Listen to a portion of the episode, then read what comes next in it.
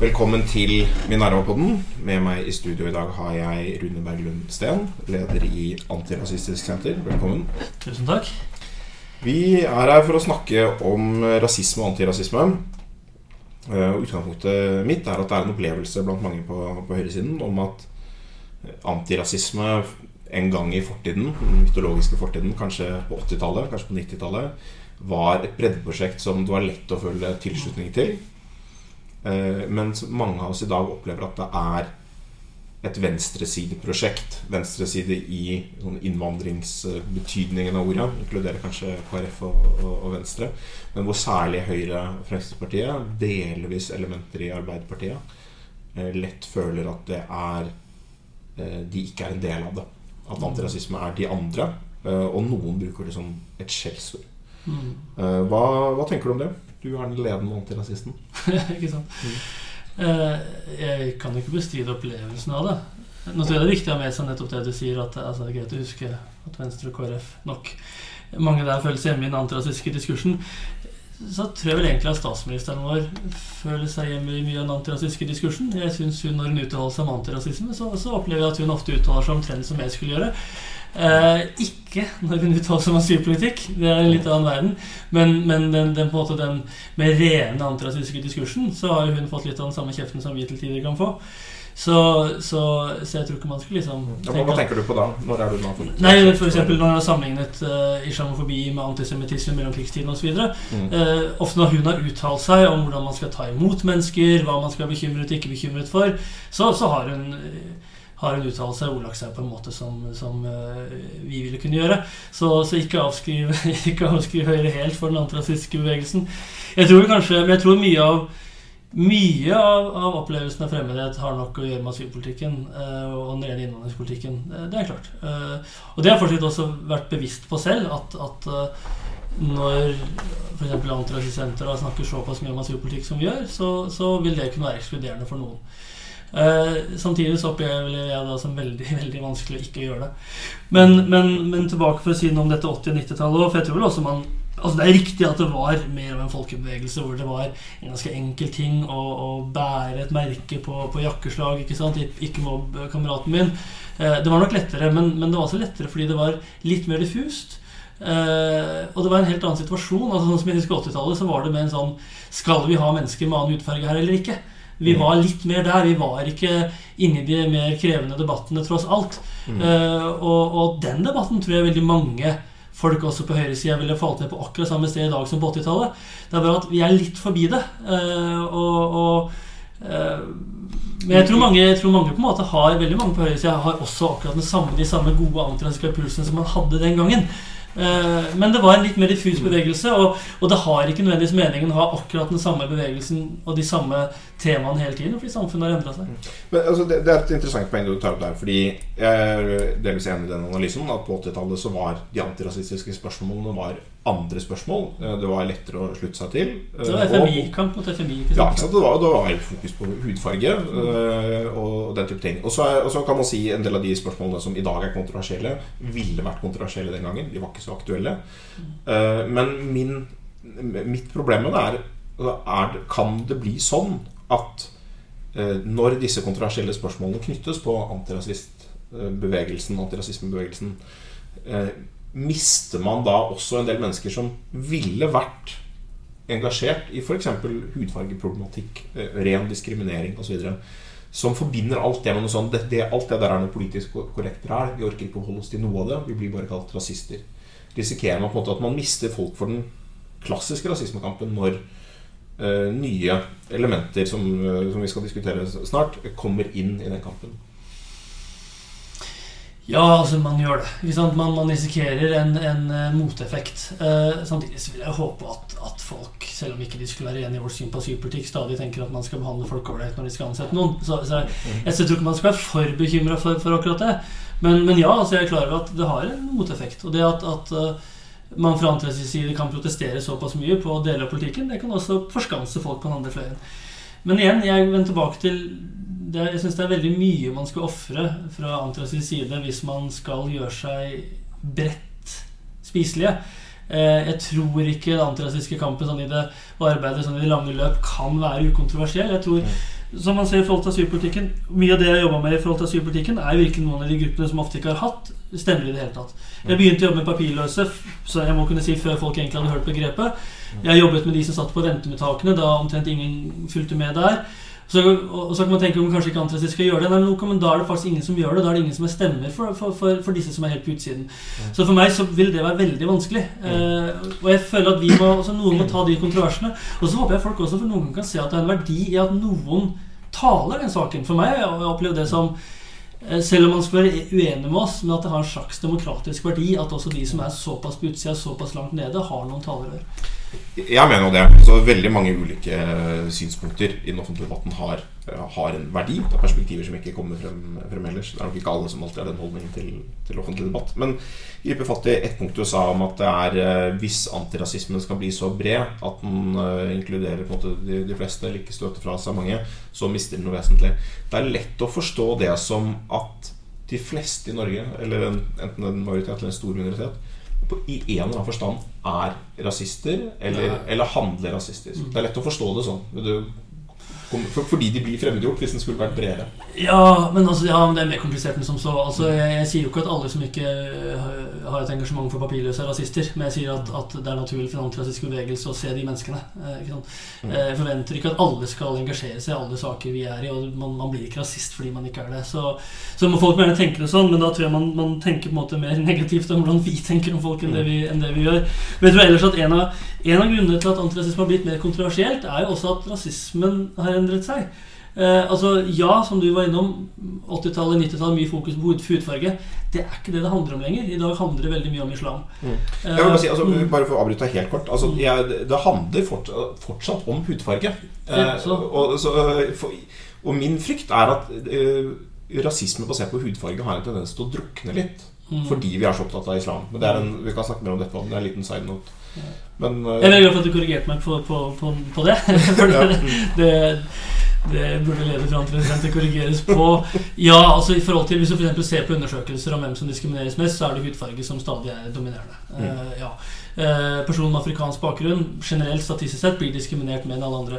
Jeg hadde nok mest i tanken offentlig debatt og den offentlige diskursen. Mm. For der er det helt klart at, at religion har fått fokus. Mm. Og det er jo selvsagt mer komplisert. Og, mm. og vi oppfattes jo hele tiden som om vi nærmest er imot religionskritikk. Om jeg tror du skal lete veldig lenge for å finne eksempel på at vi har reagert på religionskritikk. Det vi reagerer på, er når det blir ganske ekstremt og generaliserende osv. Men nettopp fordi, fordi, mye av den offentlige debatten har flyttet over der, og fordi det er der du ser generaliseringen og overdrivelsene, så tror jeg også at det blir mer komplisert å ha en bred antirasistisk bevegelse. Jeg tror på en måte ikke så mange er uenige med oss i mange av de synspunktene som går på antirasisme, og som går på islamofobi, som, som, det noen nærmest selv tror. Eh, de, men, men, eh, men, det er et mer komplisert felt å, å navigere i enn jeg trodde det var på 80-tallet. Ja, og det, altså det, er, eh, det har du, Jeg tror du har rett i at mange tror de er mer uenige med dere enn de kanskje ville vært. Og da, Det er en jobb å gjøre da på begge sider. Mm. Jeg er jo, nå skal jeg si dette offentlig Jeg er jo en av ganske få som syns at du stort sett skriver ganske reflektert, og også med en viss forståelse for motpartens uh, synspunkter. Uh, men uh, den, når debatten er polarisert, mm. så, så, er det veldig lett ikke å oppfatte det sånn. Forsovet på begge sider. Altså at det blir, det blir en konflikt som er veldig tydelig. Men gå tilbake til dette med, med islam. Fordi det, det, er en, på mange måter en veldig krevende debatt. Og noe av problemet er hvordan mennesker opplever ordet rasist. Mm. Jeg har skrevet om at ikke minst vi som er opptatt av ytringsfrihet og kritiske til krenkingstyranni og sånn, eh, bør akseptere at harde ord fins i den offentlige debatt. Rasism, rasist er et sånt hardt ord, men det er også en, en legitim vurdering. på en måte altså Den kan være riktig eller gal, og den kan brukes i tid og utide, men, men det, burde ikke, det burde på en måte ikke være som er kanskje kontroversielt Det burde ikke være verdens ende å bli kalt rasist. Hvis man er uenig, så får man si 'jeg mener det er feil'. Mm. Men veldig mange opplever at det, er at å bli kalt rasist Det er en anklage i en helt egen klasse. Det er som å bli mm. kalt Hitler, og så stopper debatten, og så handler den bare om at noen kalte noen rasist. Og det ser man jo også i denne Schenken-dommen. Så sier jo på en måte domstolen også enig at det å bli kalt rasist er så så alvorlige. Mm. Og det er det jo også delvis fordi det på noen punkter kan være lovstridige mm. knyttet til det. og sånn så, så, da er liksom det må Hvis ikke den anklagen er presis, så oppleves den som ekstremt krenkende. Mm. Jeg mener nok at man burde ikke sett det som så krenkende, men problemet er at både antirasister og de som blir Mm. anklaget for det, på en måte er enige om at anklagen er så alvorlig. Mm. Eh, jeg, men når jeg sier at den ikke burde være så alvorlig, så er det dels fordi eh, vi lever i en situasjon der det faktisk er uenigheter om, om hva rasisme er, f.eks. Og det gjør at man må forvente at begrepet brukes eh, av noen der hvor andre vil mene at det er upassende. Eh, og, det, og det bringer oss måte tilbake til dette med islamofobi, eh, hvor jeg tror man på en måte kunne, kunne ha hatt en slags glede av å ha Nå islamofobi, men det er eh, mange av de samme mekanismene som i rasisme eh, kan man, kan man si. Men det oppleves allikevel av mange som noe litt distinkt. Og det vi ofte snakker om, er der, hvor- der hvor vi kunne være enige om at her er det noe det. Så er det snakk om en form for generaliseringer, kanskje. Et systematisk bias i hvordan man oppfatter, husker, eh, vektlegger. Mm. Eh, Og noen ganger, en, eller ofte, en liksom monoman opptatthet eh, av dette. Og, man kan kalle det muslimhat eller islamofobi eller andre ting. Men problemet er at avgrensningene her er jo på en måte kronglete Mm. på en annen måte enn de er når det gjelder hudfarge, rasisme og Mm. diskriminering og, og den type ting. Mm. Kunne man trent på å liksom ha en organisasjon som het eh, Organisasjonen som jobber mot systematisk skjevhet, monoman opptatthet og generell overdøvende kritikk av islam? Var noe litt annet. Eh, Nå trenger man ikke å bruke dette ordet rasist. Mm. Ja, altså, ja, eh, La meg begynne der med at vi, vi pleier ikke å bruke ordet rasist. Vi pleier å bruke ordet rasisme. Og det, det er nettopp for å ikke grave oss så mye ned i, i personkarakteristikkene. Eh, også fordi man risikerer å bli, å bli eh, saksøkt hvis man gjør det feil. Ja, vi hadde en sak med, med lederen i Sian Mm. hvor jeg ble spurt om han sto for rasisme, og jeg kan jo jussen her, så jeg svarte at jo, altså hvis du definerer rasisme slik og slik i henhold til det og det, så Mm. kan man kalle det rasisme. Mm. Og det går. Eh, Bergensavisen oppsummerte det som om han er rasist, Mm. og de måtte betale ham 20 000 kroner. Ja. Eh, Så, så generelt, både pga. risikoen og fordi det sjelden bedrer debatten, så er det greit å styre unna akkurat det begrepet.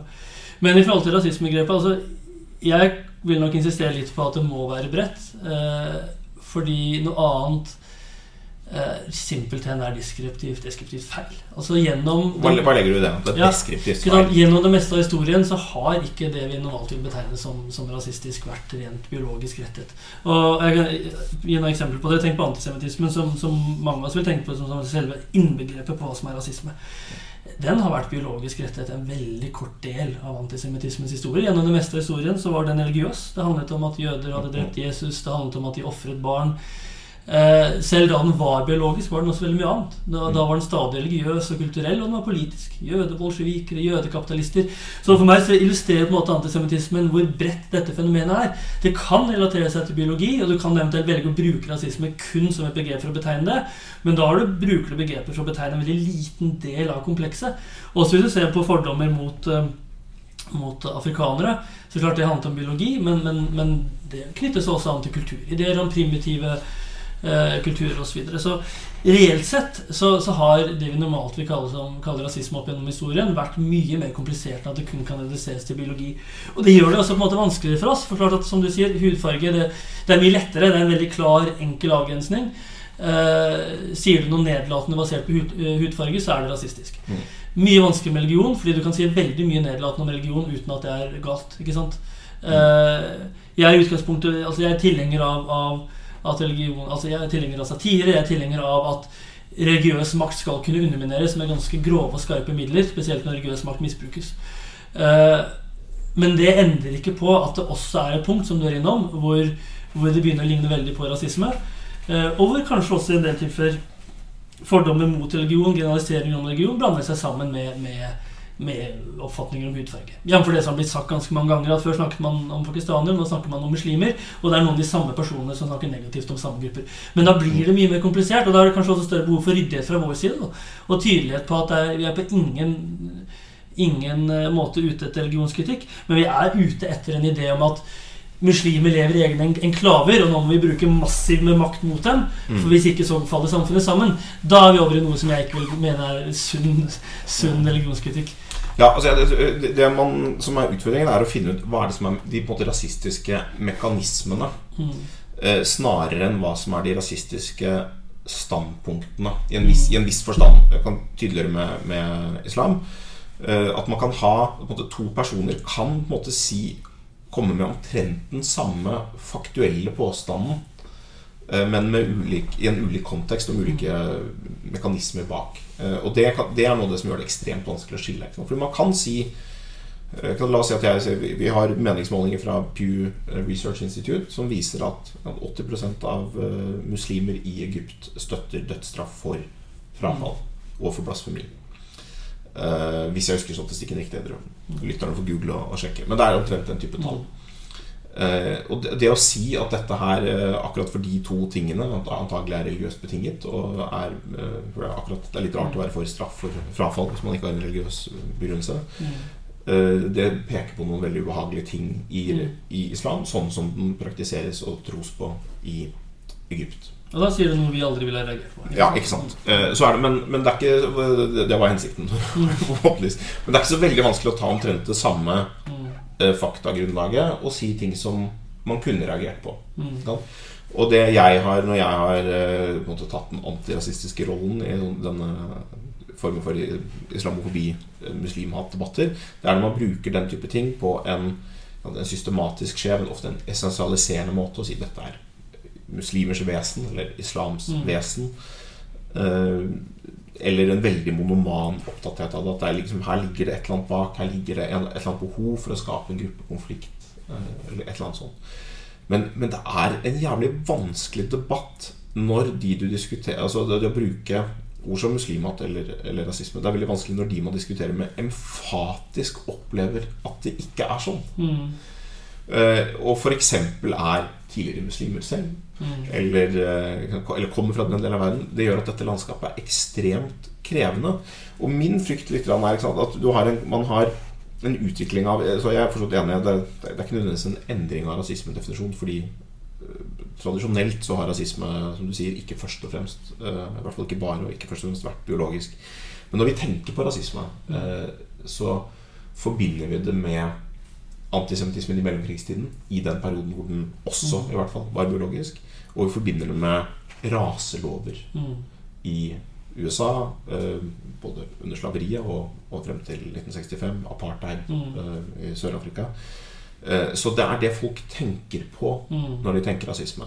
Og du kan si sant, På 1700-tallet så snakket man ikke så mye om rasisme. Vi kan gå tilbake i dag og si de var rasistiske mm. fordi de hatet kulturer og sånn.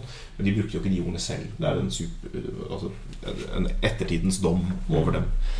Uh, og jeg, det, det, jeg prøver å finne ut, er hvordan finner vi begreper og måter å snakke om dette på som gjør at man kan få en god debatt med de menneskene som har uh, Som driver med generalisering som, som du og som jeg kan mene er uheldige. Hvordan kan man gjøre det? Og egner, egner begrepene seg for den diskusjonen?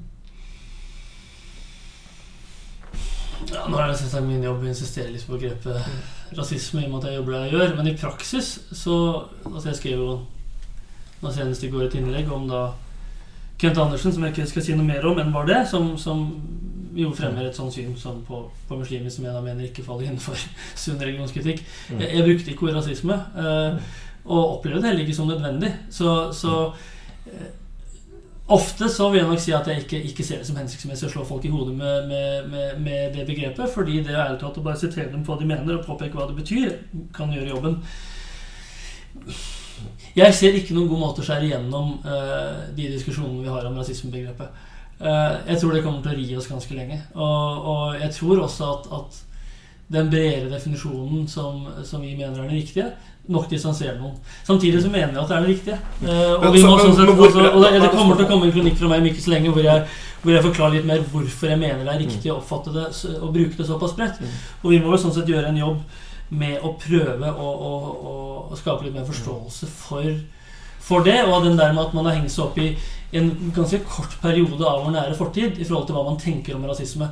Eh, og da har man skjønt en veldig liten del av hva, hva rasisme faktisk består i. og, og, og hvordan ulike former for, for fordommer om gruppeforskjeller eh, har skapt oss opp gjennom historien. Mm, men det er som du sier hvordan rasisme har fungert historisk. Men en alternativ innfallsvinkel som det hadde vært mulig å ha, det ville vært å si mennesker har gjennom historien alltid hatt uh, generaliserende hat mot mm. andre grupper. Men det er ikke alle formene for det som vi i dag vil kalle ra- rasisme, heller. Altså, vi nå inkluderer vi religion, men vi inkluderer ikke f.eks. det klassesynspunkter. Mm. Altså Vi kan kalle det klassehat. Og hvis det er overklassen som gjør det mot underklassen, så, så kaller vi det klassehat. Men hvis det er eh, altså, sånn venstrepopulisters hat mot eliten i Davos, det kan være preget av både konspirasjonsteorier og man kan komme med forskning. Det fins forskning, og, det, og den er for så vidt interessant. Jeg tar den på alvor. Den viser at rike mennesker blir mindre empatiske, f.eks. Uh, og det kan være liksom, generaliserende hat. Mm. Eh, vi vil jo ikke finne på å kalle det rasisme. Og så er spørsmålet er mekanismene der helt annerledes fra psykologisk perspektiv. Noen ganger kanskje litt, men ikke alltid. Altså, det handler om identitet, grupper, oss, dem, generaliseringer, konspirasjoner som passer med narrativet man ønsker å fortelle. Mm. den type ting. Så, så mm, jeg, jeg, jeg tror det er vanskelig å endre begrepene helt. De har, har fått den historien de har hatt. Men Eh, Men på det å si at gruppehat historisk sett ikke har bare handlet om rase, Mm. er på en måte ikke nødvendigvis noe veldig argument for at vi bør like å kalle det rasisme, som er et begrep som vi som i hvert fall for de fleste Mm. eh, kobles på den forstått, korte historien der selve rasetenkningen var mest utbredt. Men, men la meg ta et annet punkt. Eh, Du sier at det er viktig å ha en bred rasismedefinisjon. Men det er et spørsmål hva, hva betyr det? Og her er jeg genuint usikker. Vi har disse diskusjonene i USA om f.eks. cultural appropriation. Mm. Eh, man har eh, Man snakker om eh, altså benevolent racism. Folk som er syns at det, er flott, det som skjer i en viss kultur eller en viss, en viss folkegruppe, og, og, og prøver å bruke det, og så blir det klønete, og så blir det feil, og så blir det kalt rasister. Uh, og så har vi diskusjonen som vi, som vi også kan komme inn på, som har vært nå da i Norge den siste uken, om en forsker som Charles Murray, som har forsket på raseforskjeller og kjent for Bell Curve, som, som egentlig handler om, om klasseforskjeller og, og kognitive emner, men som har et kapittel om, om rase. Og som blir kalt både white supremacist og rasist. På det som man måtte er si, I en viss forstand i hvert fall er empiriske spørsmål. Man kan stille spørsmål om motivasjon, man kan stille spørsmål om kildebruk, men som ikke er noe vesentlig dårligere forskning enn veldig mye annen forskning. Er det en del, både det, altså cultural appropriation på den ene side, eh, den type forskning på den andre, er det en del av dette brede rasismebegrepet? Og skjønner du i så fall I så fall så er det plutselig en del mennesker som er ikke bare at de ikke føler seg hjemme i det, men da er det sånn Ja, det, da ser jeg at du omfatter ting jeg faktisk står for Mm. i ditt rasismebegrep. Jeg har sjelden hatt så mange men, stikkord i mine mentale notater som akkurat nå. Eh, men bare, en siste ting, og det blir bare én setning, tror jeg, om det med, med den utvidede rasisme, det utvidede rasismebegrepet i forhold til kultur, religion osv. Eh, fordi du, du brakte også inn klasser. Mm. Men også forskjellen i forhold til hvordan jeg vil bruke det utvidede rasismebegrepet, er jo at det jeg snakket om, er ting som tross alt har vært beslektet i historien. Eh, antisemittismen har bestått av ulike former for fordommer, og de har vært beslektet. Mm. Eh, det har ikke nødvendigvis vært, vært eh, forbundet med klasse, men det kan det faktisk også være det. Det viser hvor, hvor bredt det kunne være. Men det er likevel ting som er eller fordommer mot afrikanere. Det har handlet om biologi, men det har også handlet om kultur. Så at dette har vært ting som har vært forbundet. Og som sånn sett for meg har mening å snakke om som én type fordommer, som kan holdes atskilt fra fordommer som ulike deler av det politiske spekteret eller ulike klasser også kan ha mot hverandre. Det ble litt mer enn en setning. I forhold til det du var innom der, cultural appropriation eh, Jeg tror på en måte et av problemene er vel at, at eh, mange forholder seg til, til, til eh, de tablide versjonene av ting som det. Og klart at Noen antirasister kan sikkert også fremme tablide versjoner av det. Men, men jeg tror det mange reagerer på fra ulike minoriteters side i forhold til cultural appropriation, er jo når man har rett og slett tatt kulturelle uttrykk uten overhodet kreditere hvor det kommer fra. Ikke sant? Fremstilt det helt som sitt eget, tjent penger på det osv. Da snakker om kommersiell Ja, ikke sant? utnyttelse. Ja, mm. Arv, musikkarven som Elvis, ikke sant? Mm. Uh, Hound Dog og hva enn. Eh, sånn at, og, og, og da er nok jeg selvfølgelig at det burde faktisk være en sånn viss grad av respekt for hvor dette kommer fra. En viss grad av anerkjennelse for hvor det kommer fra. Eh, men jeg tror også det kan gå, den kan gå for langt. Men selv om jeg på en måte er enig i det utgangspunktet, så, så, så begynner jeg også å slite på det punktet hvor, hvor hvis du kommer dit at man ikke kan låne fra hverandre. Eh, at man ikke kan påvirkes av hverandre. Altså, det må jo være liksom, litt av hele vitsen med det antirasistiske prosjektet. At man også skal kunne berike hverandre litt og inspirere hverandre. Men, men man bør jo gjøre det på litt ryddige termer, ikke på de termene hvor det nokså konsekvent har vært hvite folk som har tatt det de kan tjene penger på fra andre kulturer. Eh, så delvis vil jeg hatt noe av dette her innenfor, men, men, men som all antirasisme så kan det på en måte også, også tas lenger enn jeg vil være med på. Det er jo både et problem kanskje med at denne både intellektuelt mer krevende antirasismen, som det er vanskeligere å sette opp grenseoppganger for. Uh, jeg, er enig, dette er sikkert upopulært på høyresida, men altså, det fins cultural appropriation som er problematisk. Problemet er at altså, man kunne gitt en veldig god begrunnelse for hva er i kjernen av denne problematikken. og så ville man endt opp med et, et antall tilfeller som er her har dette vært problematisk, men det ville ikke vært så veldig stort. Eller, altså, det, det, kan man diskutere, men det, er fall, det, det fins en kjerne der.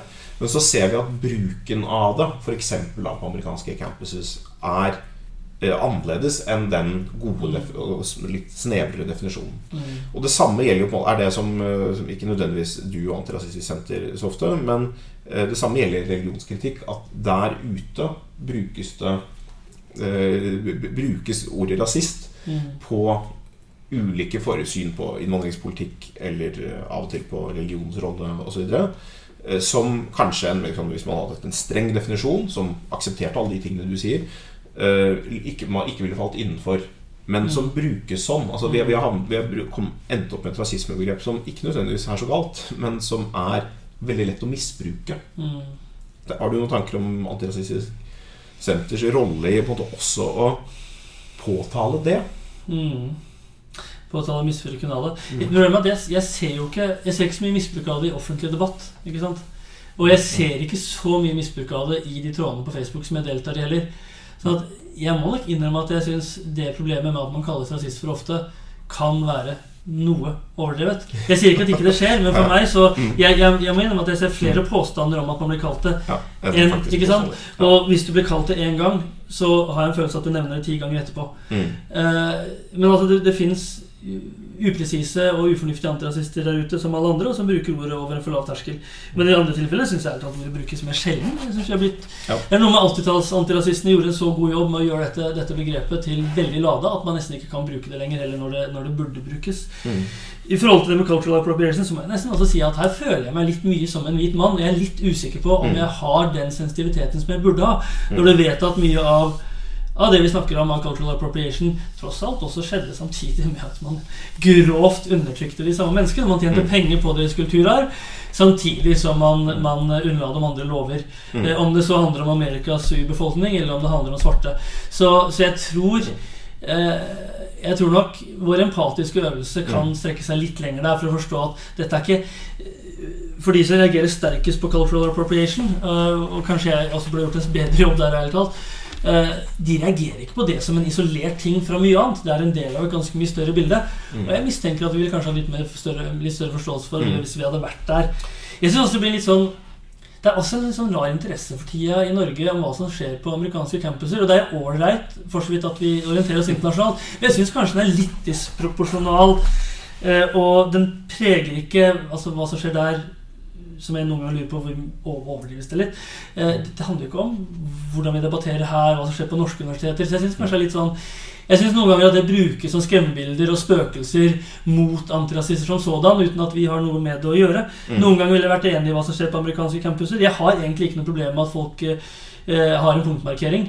Jeg vil ha problemer med det hvis f.eks. Charles Murray aldri fikk uttale seg, for han skal ha rett til det. Men jeg har ikke noe problem med at han en gang møtes av, av taktfaste rop. Eh, det er det faktisk plass til innenfor demokratiet. Hvis han ble hundset fra enhver sammenheng og ikke fikk publisere bøker, eller hva noe, men jeg syns kanskje vi har litt stor greie ut av én sånn punktmarkering også. Eh, og jeg syns det er litt sånn rart at det, det har blitt en såpass stor snakkis da, i, i, Norge hva som skjer på et annet kontinent, og altså, hvordan det brukes mot flere av oss. Vi har jo alltid i Norge en, en fascinasjon for USA. Det er jo ikke noe unikt for akkurat dette. Og det er mange grunner til det. Det ene er jo at USA er liksom verdens supermakt. Det andre er at vi ofte opplever at det som kommer dit først, mm. uh, har en tendens til å komme hit en del år senere. Jeg ser ingen tendenser til dette fenomenet i Norge. Jeg har nok også mindre forståelse for det enn deg og mener at det er litt mer utbredt. Altså, mm. Det vi har sett i USA, det er ikke sånn at på alle colleges så er det sånn.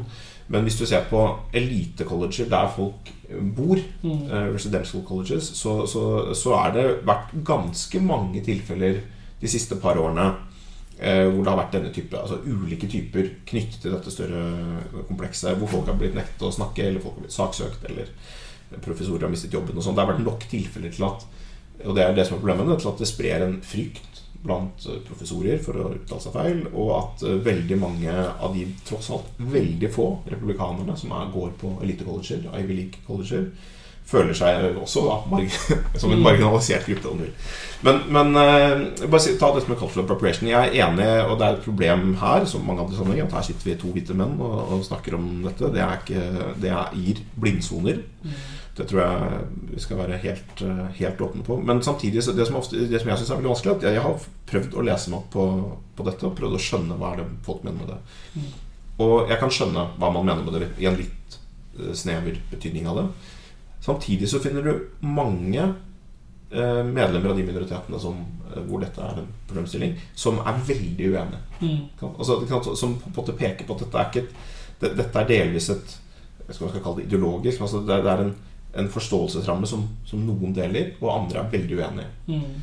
Og eh, som en del av en sånn minoritet så, så kan man ivrig kjempe for det ene eller andre. Men som en som står utenfor, så blir det litt rart å på en måte ta side i en sånn konflikt og si ja, vi støtter de som mener dette er cultural appropriation, eller vi støtter dem som mener at det ikke er det.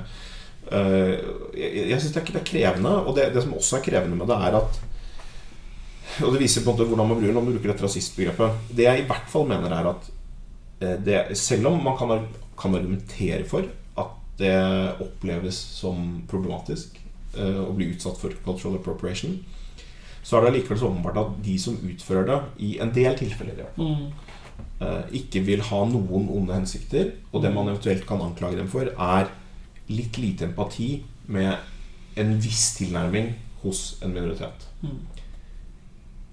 Det er en high Altså det er en, det er en veldig streng eh, strengt kriterium for å bli kalt rasist. Mm. Og de som blir kalt rasist, de reagerer veldig sterkt Mm. på det. Så det, det oppleves som et problem. Da. Du, Hvis jeg skulle si noe, men Ja. noe for at du sier noe Mm. som kanskje ikke bare gjør deg populær på din fløy Mm. Det jeg nok vil si i forhold til cultural appropriation altså, Jeg spør meg litt om vi helt har kommet dit i den antirasistiske kampen at dette var den debatten vi var klar for, og at dette var den viktigste debatten man skulle ta. Det, det mener jeg med. Mm. Jeg føler at det er såpass mye annet som er presserende at, at jeg syns det er vanskelig å se. Og igjen så er det mulig at jeg da ikke altså, Jeg er kanskje ikke den riktige personen til å føle dette, og til å tenke ut fra et riktig perspektiv der, men, men jeg føler nok litt det. Jeg føler at ikke vi hadde kommet helt dit hvor, hvor vi, vi var klare for, for de refleksjonene. Selv om jeg er enig i kjernen av det, så ser jeg også de eksessene. Altså, Mm. Folk burde ikke bedrive yoga, yoga fordi opprinnelsen er indisk. Altså, da er jeg ikke med i det hele tatt. Mm. Uh, man skal ikke leke cowboy-indianere som, som jeg gjorde da jeg var barn. Jeg tror jeg var bevisst på brutaliteten i det, urimeligheten i det da også. Eh, men likevel, det, det kan raskt bli kompliserende på en måte som utstøter veldig mange. ikke sant? For det punktet hvor, hvor alle, alle eh, som vokste opp i Norge på den tiden, og som lekte cowboy-indianere, plutselig føler at de gjorde noe veldig galt. Eh, ja, vi skal være forsiktige med det. Vi skal være forsiktige med folk som ikke, ikke, ikke hadde noen gale hensikter, blir, blir, eh, blir inkriminert. Eh, Så ja, det er et av de områdene hvor jeg syns man går for langt. Men eh, selv om jeg er enig i kjernen, og jeg er enig i, i mer på en måte ikke en smalkjern, jeg er enig i essensen i det, at dette har vært et problem. Men så syns jeg også at det i Norge har gått veldig langt i den andre enden. ikke sant? Hele anti-PK-greia som vi har i Norge, som jeg syns har blitt, blitt i overkant ekstrem. Så, så hvis man har noen eksesser på, på noen amerikanske campuser Jeg syns eh, vår vilje, vår iver etter å diskutere muslimer dag opp og dag ned har blitt en besettelse. Mm. Eh, For meg er det en, en eksess som er, er mye mer eh, bekymringsfull. Du var så innom Murray, men vi, rakk, Ja. vi sa egentlig ikke så mye om Murray. Mm. Eh, og, og den diskusjonen der eh, Jeg ble jo spurt av Lars Akerhaug om på en måte til Lukas snakket som om burde invitert ham eller ikke. Jeg har Jeg mener ikke at Murray ikke skal kunne inviteres. Jeg, men jeg mener vel at man visste hva man ville få, man visste hva slags debatt man ville få, hva som ville komme i sentrum. Og, og da hadde man det valget om man ville ha den debatten i norsk offentlighet igjen eller ikke. Og jeg ville nok ha foretrukket at man tok nestemann på lista. Jeg syns ikke det jeg hørte han si heller var sånn at å du verden, han måtte vi ha, han kunne løse kreftens gåte. Og han dro med seg en del som ikke vi trengte nå. Eh, og, Jeg tror og jeg tror, man, jeg tror mange vil oppleve det som utrolig ekskluderende og med, med, med ganske god grunn. Men jeg tror faktisk jeg bare si litt, litt om det. Jeg har ikke vært en del av uh, Civitas uh, tankeprosess. Jeg, kan, jeg, kan ikke si hva man har tenkt, men jeg vil tippe at dette har vært planlagt ganske lenge. Mm. Uh, og det var jo ikke før denne Middlebury altså Der hvor han ble ropt ned og ikke fikk snakket, og en professor ble, fikk en skade etter et Mm. angrep fra en student. Det var jo da denne debatten om the bell curve kom opp Mm. igjen. Fordi de siste årene har han jo vært mange amerikanske sammenhenger helt uten Mm. protester i forbindelse med da den boken som var Mm. eh, aktuell i den sammenhengen, som heter 'Coming Apart', og som handler om amerikansk eh, klasse eh, mot, At de amerikanske klassene glir fra hverandre. Eh, det var det som var utgangspunktet. Så jeg ville tro at man, altså, man De fleste ville vel vite at han har skrevet Bell Curve, men den var ikke så veldig på agendaen. Mm. Uh, og jeg er generelt veldig kritisk til dette finner man på både høyre og venstre side. At man uh, måte forbinder en forfatter så mye med Eller en, en forsker eller en politisk debattant så mye med hva de mener om noe helt annet. Altså Hvis, hvis du tar Gerd Liv Valla har ikke tatt ordentlig avstand fra alt hun mente i 1980. Kan vi da høre på hva hun sier om, om fagforeninger i dag? Jeg mener ja. Det er mitt klare standpunkt. Det er ikke alle på høyresiden som mener det. Det er mange som mener at eh, inntil Guri Ingebrigtsen og Geir Liv liksom går offentlig botsgang for, for alt de mente, så må de liksom fryses ut. Jeg mener at det er veldig uheldig, fordi det er ikke sånn mennesker fungerer. Men det er den ene siden av det. Altså, jeg, jeg forstår at etter at episoden på Middlebury skjedde, så ville dette bli en debatt i Norge. Det var det ikke noe, noen tvil om. Og det er en legitim debatt. Eh, men det er heller ikke en debatt Altså Det er en debatt der jeg opplever at de anklagene som kommer, eh, viser i hvert fall to, to, to mulige problemer. Hvor det ene er at veldig mange uttaler seg veldig bastant uten å i det hele tatt ha satt seg inn i hva, hva en person mener. Det er at en del har satt seg inn i hva han mener, og mener at dette er åpenbar og horribel rasisme. Jeg ser problemer med The Bell Curve både metodologisk og, og den politiske innretningen som, som jeg ikke deler til når det gjelder både hvorfor, hva er det man egentlig vil frem til, og hvilke løsningsforslag kommer man med. Jeg ville hatt en helt annen innretning. Men jeg sliter også veldig med å karakterisere det som rasisme i den forstand at altså Dette ligner mye på jernbanedebatten. Hvis du sier at dette er rasisme, så sier du Fordi mange av forskningsspørsmålene her er uavklart. Mm. Hadde det vært sånn at det var Dette er ikke bare at det liksom ikke er belagt, men dette er Vi kan si det 100 sikkert. Dette er helt feil. Mm. Hadde man kunnet si det, så kunne man jo diskutert saken på en litt annen måte. Men det er det veldig få eksperter på feltet som vil si. Og da setter vi oss i en situasjon der vi sier forskningen kan måte bevise rasisme. Potensielt. Skulle det vise seg at det er omtrent sånn, eller i den retningen, Mm. så er eh, liksom verden rasistisk. Jeg mener det er veldig uheldig. Det er, det er veldig farlig å stille seg i en sånn situasjon. Vi trenger et helt annet forsvar mot rasismen enn det. Jeg vet ikke om du har noen tanker om, om det? Jo, jeg tror for å ta et annet innsettingspunkt Jeg er nok nokså grunnleggende altså, jeg, vil, jeg tror noe av det mest problematiske med, med å invitere ham, er den apologetismen som kommer. Og jeg mener ikke med det alt som sies, som modererer hva han skulle mene og diskusjonen om det. Men for hos, hos dere så står det jo eksplisitt i en artikkel at man ikke fant noe, noe tegn på at, at han anbefaler en politikk. Og det er feil. ikke sant? Det er helt feil. Han mener man skal oppheve diskrimineringslovgivning. Han har masse refleksjoner om hva slags politikk man ikke burde føre eh, hvis disse tingene stemmer. Så det er feil. Og det er en form for renvasking som jeg synes er litt sånn, litt sånn rart dere slapp igjennom.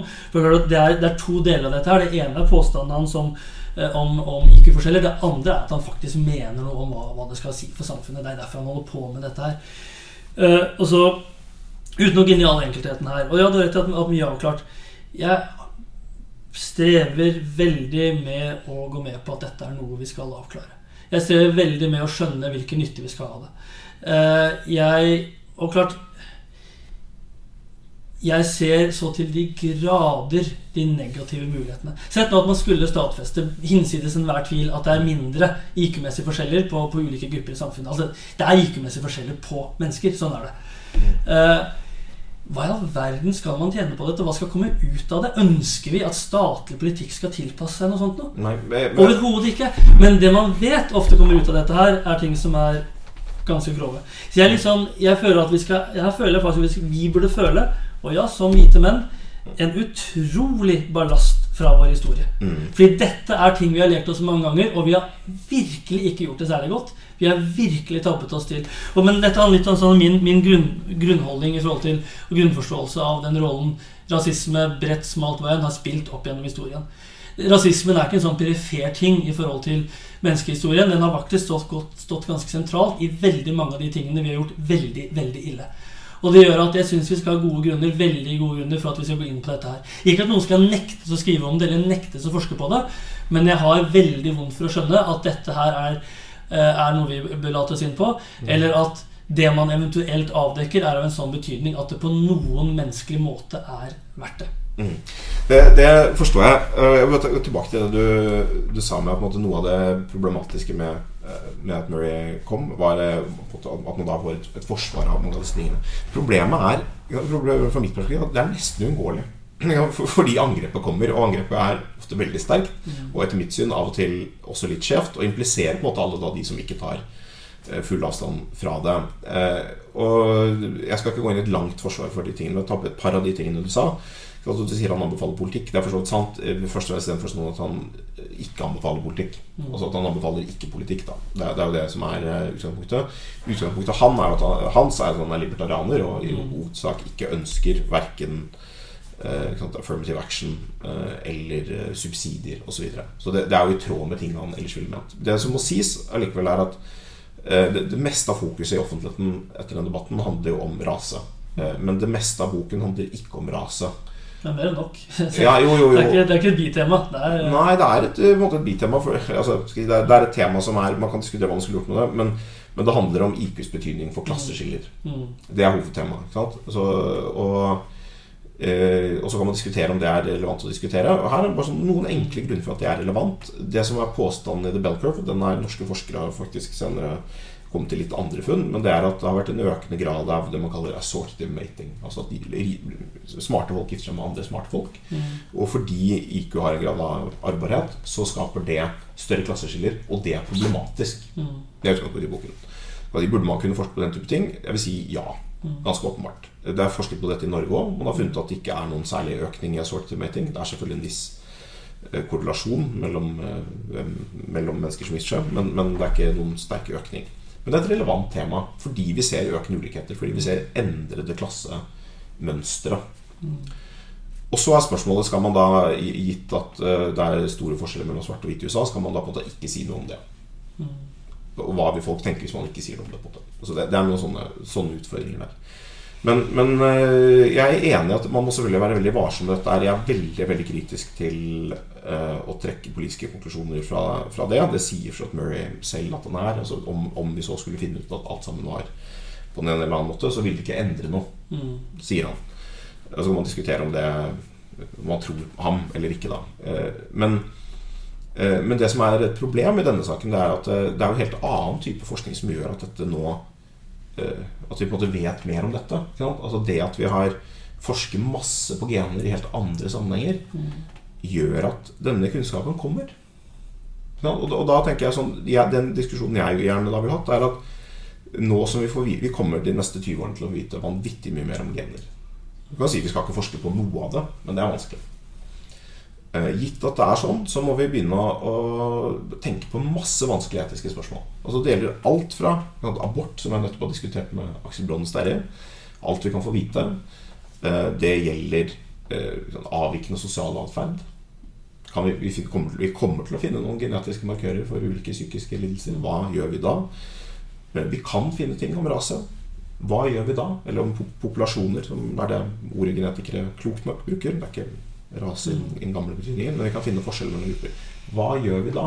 Mm. Og det jeg tror at Vi må da lære oss å snakke om det på en eller annen god måte. Og så kan du si har vi tro på at vi klarer det, gitt den historien vi har.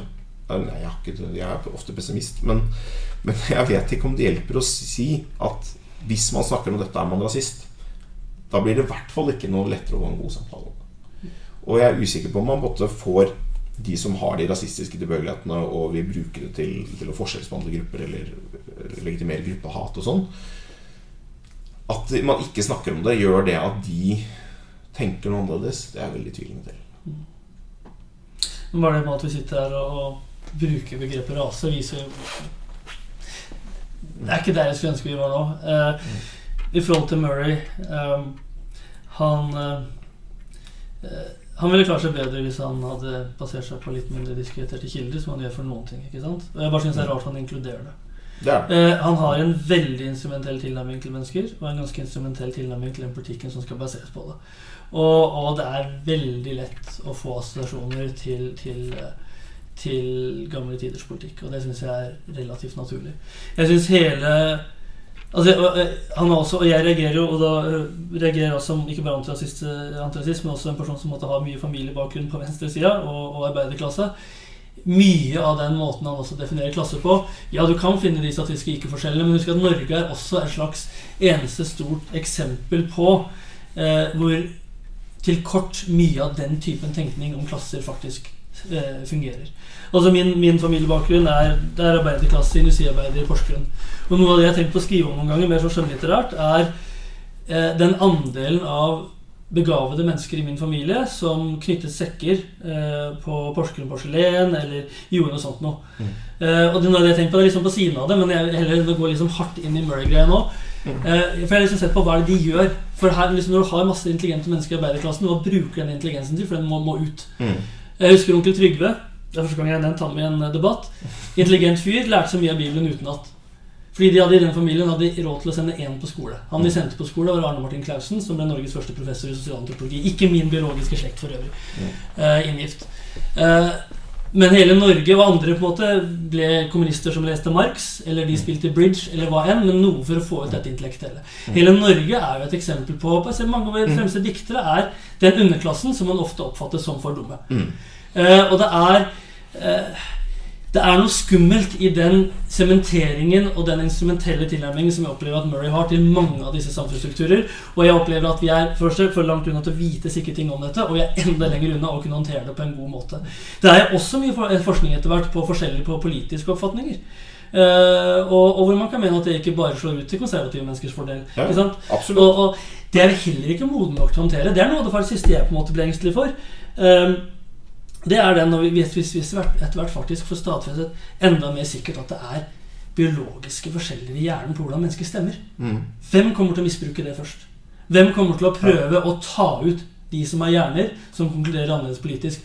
Så dette, er, et territorium, som er territorium som farlig for oss alle. Ja. Det er ikke bare farlig for, for mennesker med afrikansk avstamning. Mye av dette her er mye skumlere for, for mange av oss enn det jeg tror vi erkjenner. Jeg har, eh, et av, en av de tingene jeg har i tanken, er den spanske borgerkrigen, hvor, hvor fascistene etterpå prøvde å ta ut eh, de som tenkte på den måten. Mm. Det tror jeg vi kan se igjen, og vi kommer til å ha mer vitenskapelig belegg for å gjøre mer av det. Ja, øh, altså jeg er enig, men, men er ikke, jeg er enig at det er skummelt. Men øh, det er veldig vanskelig å fjerne den kunnskapen. Altså Denne kunnskapen kommer delvis som et resultat av helt annen vitenskapelig fremgang. Mm. Så jeg, jeg tenker jo ikke litt at vi må i så fall lære oss å snakke La oss si at politisk stemmegivning har å gjøre med gener. Det, noe, det, er sånn, det er ikke et avklart tema ennå, men det fins noe belegg i den retningen. Ja, hva gjør vi da? Da må vi snakke om det, tenker jeg. Jeg tenker Dette er kjempevanskelig. Jeg ser at det kan misbrukes. Jeg skjønner at samtalen er jævlig vanskelig. Men, men kunnskapen blir ikke borte. Eh, og så må jeg si en ting om dette med klasse. For jeg tror alt det du sa der, er jo noe som er Som er Lurie ville vært helt enig i. Det er utgangspunktet hans. At i den gamle arbeiderklassen var masse smarte mennesker.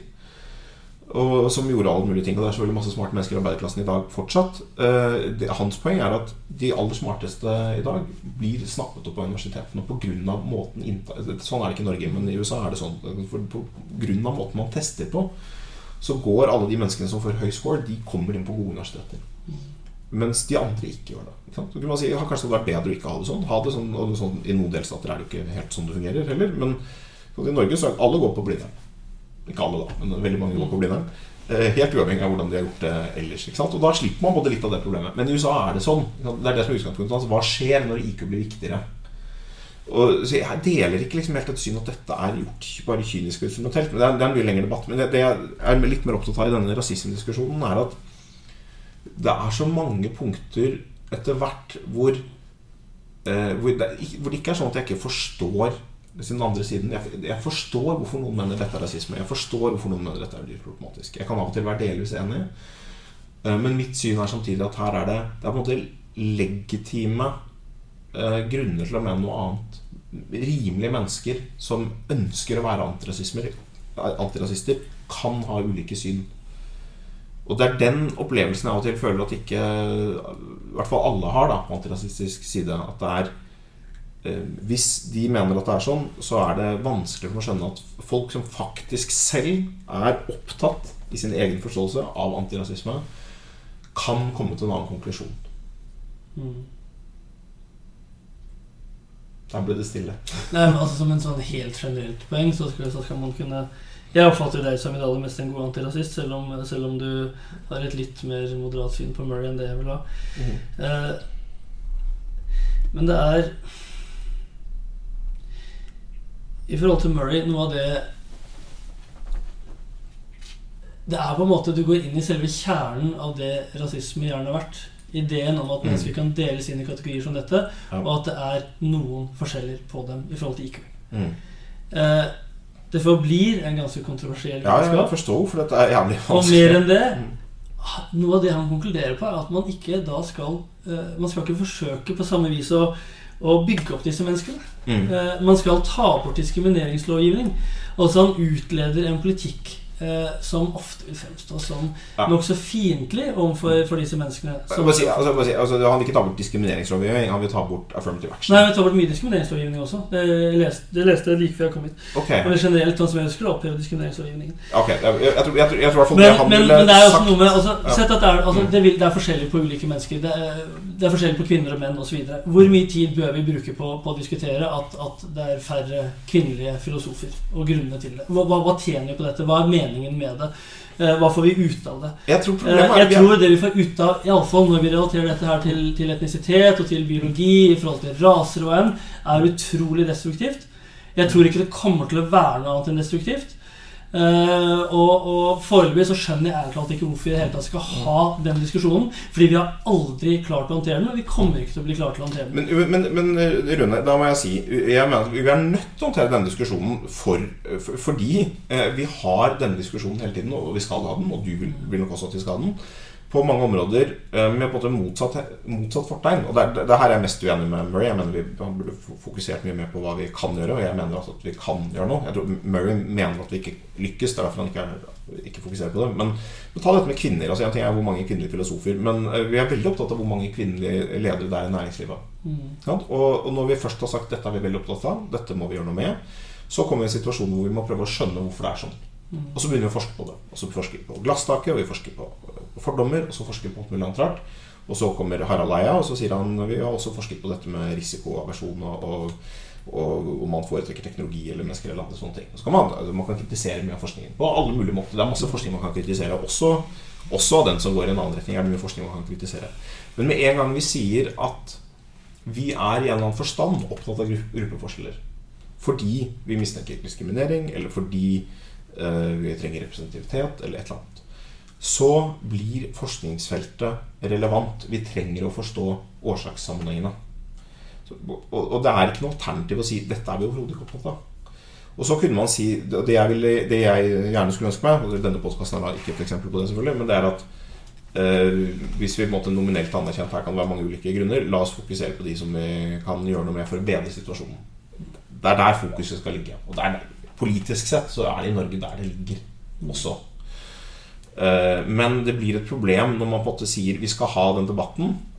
Eh, Men si for eksempel da, den eneste mulige forklaringen er da rasisme. Og da, og da dukker det opp noen problemer. Fordi mange av de menneskene som er, er, på feltet, vil oppleve nei, vi er ikke rasister. Det er ikke det som er forklaringen. For eksempel? Eh, Så, så måte, hvis du ikke går med på å ta Eller sammen med, med kvinner, da, at det har vært mye diskusjon om at det er dårlig kvinnesyn som gjør at folk ikke blir ansatt. Og så er det da kan forskning som viser at kvinner blir faktisk forfremmet raskere. All den forskningen er omstridt. Lytterne får google selv. Men det er et komplisert felt. Og, og hvor mange, men, mange som er da blant de som rekrutterer ledere, og sånn, de sier nei, det er ikke sant. Det er ikke sånn det er. Mm. Ja, hva er det da, da? Ja, nei, det vet jeg ikke, men da må vi forske på det. Det er, det er ikke noe lett felt, dette her. Mm. Vi kommer kanskje ikke tror, videre på dette. jeg tror vi kommer til å gå i ring eh, Ja. ganske snart. Og jeg skjønner også at vi kommer til å forske mye på årene fremover på, på genene våre. Eh, eh, men jeg er nok stadig liksom i det konservative hjørnet her. da Ja, Det er eh, Noen ting her vi skal være betydelig varsomme med. Og at det vi kommer til å finne, vil uansett ikke være så himla mye. Men vi kommer til å gjøre veldig mye ut av det. Sant? Selv hvis man finner små forskjeller på mennesker. Små Mm. statistiske forskjeller. Mm. Eh, vi kommer til å tillegge det en helt annen vekt enn det Mm. vi kommer til å ha. Men det er det, det som er utfordringen, det er å, å, å si at det faktisk ikke må tillegges så mye vekt. Men jeg bare avslutte helt kort her med Hva ser du for deg La oss si at vi hadde som et mål å få gjort antirasismen til et bredere prosjekt. Jeg skjønner at den ikke kan bli uendelig bred. Så her er ikke målet først og fremst å be deg om å endre definisjon, men hva kan både la oss si Antirasistisk Senter, men også høyresiden, Frp kanskje, men i hvert fall Høyre, gjøre for å føle seg mer hjemme i den antirasistiske bevegelsen? Jeg tror vel den tiden vi står inne i, er såpass polarisert at det ærlig talt nesten er vanskelig. Man gjør et forsøk for noen eh, Dette var en depressiv avslutning på podkasten. Eh, Da man stiftet Ungdom mot rasisme, så skulle jo også FPU foreslå eh, en kandidat. Og de foreslo en som hvis jeg husker riktig, mente det var greit å forskjellsbehandle ut fra etnisitet i ansettelsesprosesser. Det er sabla vanskelig å lage en så bred antirasistisk bevegelse at du kan ta med det standpunktet. Et standpunkt handler jo åpenbart da kunne funnet, eh, prøvd å finne støtte hos, eh, eh, for hos, hos Murray. Nei, det kunne han ikke. Det må vi bare ha slått fast. Det, det står eksplisitt. Men ok, ja, nei, Jeg skjønner at den ikke kan være så bred, men, men er det noe vi kan gjøre for Jeg er enig at tiden er polarisert, men er det noe vi kan gjøre for å gjøre den mindre polarisert? Jeg må ærlig talt svare at jeg er ikke sikker på om den skal bli det. Med mindre med flere av de som er uenige med oss, har tenkt å endre oppfatning. Altså For meg, Noe av det som for meg er mest ekstremt i vår tid, er, er situasjonen sørover i Europa, Middelhavet, leirene i Hellas. Og jeg tror mange av oss er ganske langt unna å bli enige om hvordan vi skal håndtere disse tingene. Mm. Og det er en del sånne ting som kommer til å ligge der som ganske betente, eh, og som gjør at vi, vi kommer ikke til å stå sammen om alle ting med det første. Det er, jeg tror målsettingen vår skal være mer moderat enn det. Og det er å respektere hverandre på tross av en del av disse uenighetene vi har. Eh, som jeg opplever at vi to er ganske gode på. Jeg syns flere to skal følge som oss. Sånn for å slutte på en litt sånn uh, positiv greie. I hvert fall selvforherligende, da. Ja. Nei, og så er det klart, men det er klart altså, det, Nå har man en regjering som har valgt å ikke ha handlingsplaner mot, mot rasisme eller mot etnisk diskriminering. Eh, og, og, og, og da gjør man det faktisk vanskeligere eh, å lage en bred antirasisme. Når man har en regjering som utgår fra Høyre og Fremskrittspartiet, hvor man ikke har systematisk handling mot etnisk diskriminering.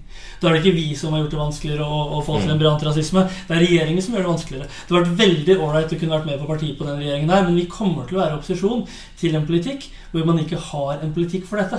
Mm. Eh, Men Da kommer det jo fortsatt med tips da til hva Mm. høyresiden kunne gjøre for å, for å komme inn. Vi får la det være siste ord. Flyktningpolitikken, som jeg mener kanskje burde vært utenfor akkurat dette. Det får vi snakke om en helt Mm. annen gang. Tusen takk for at du kom i studio. takk for at du kom. Minerva-podden.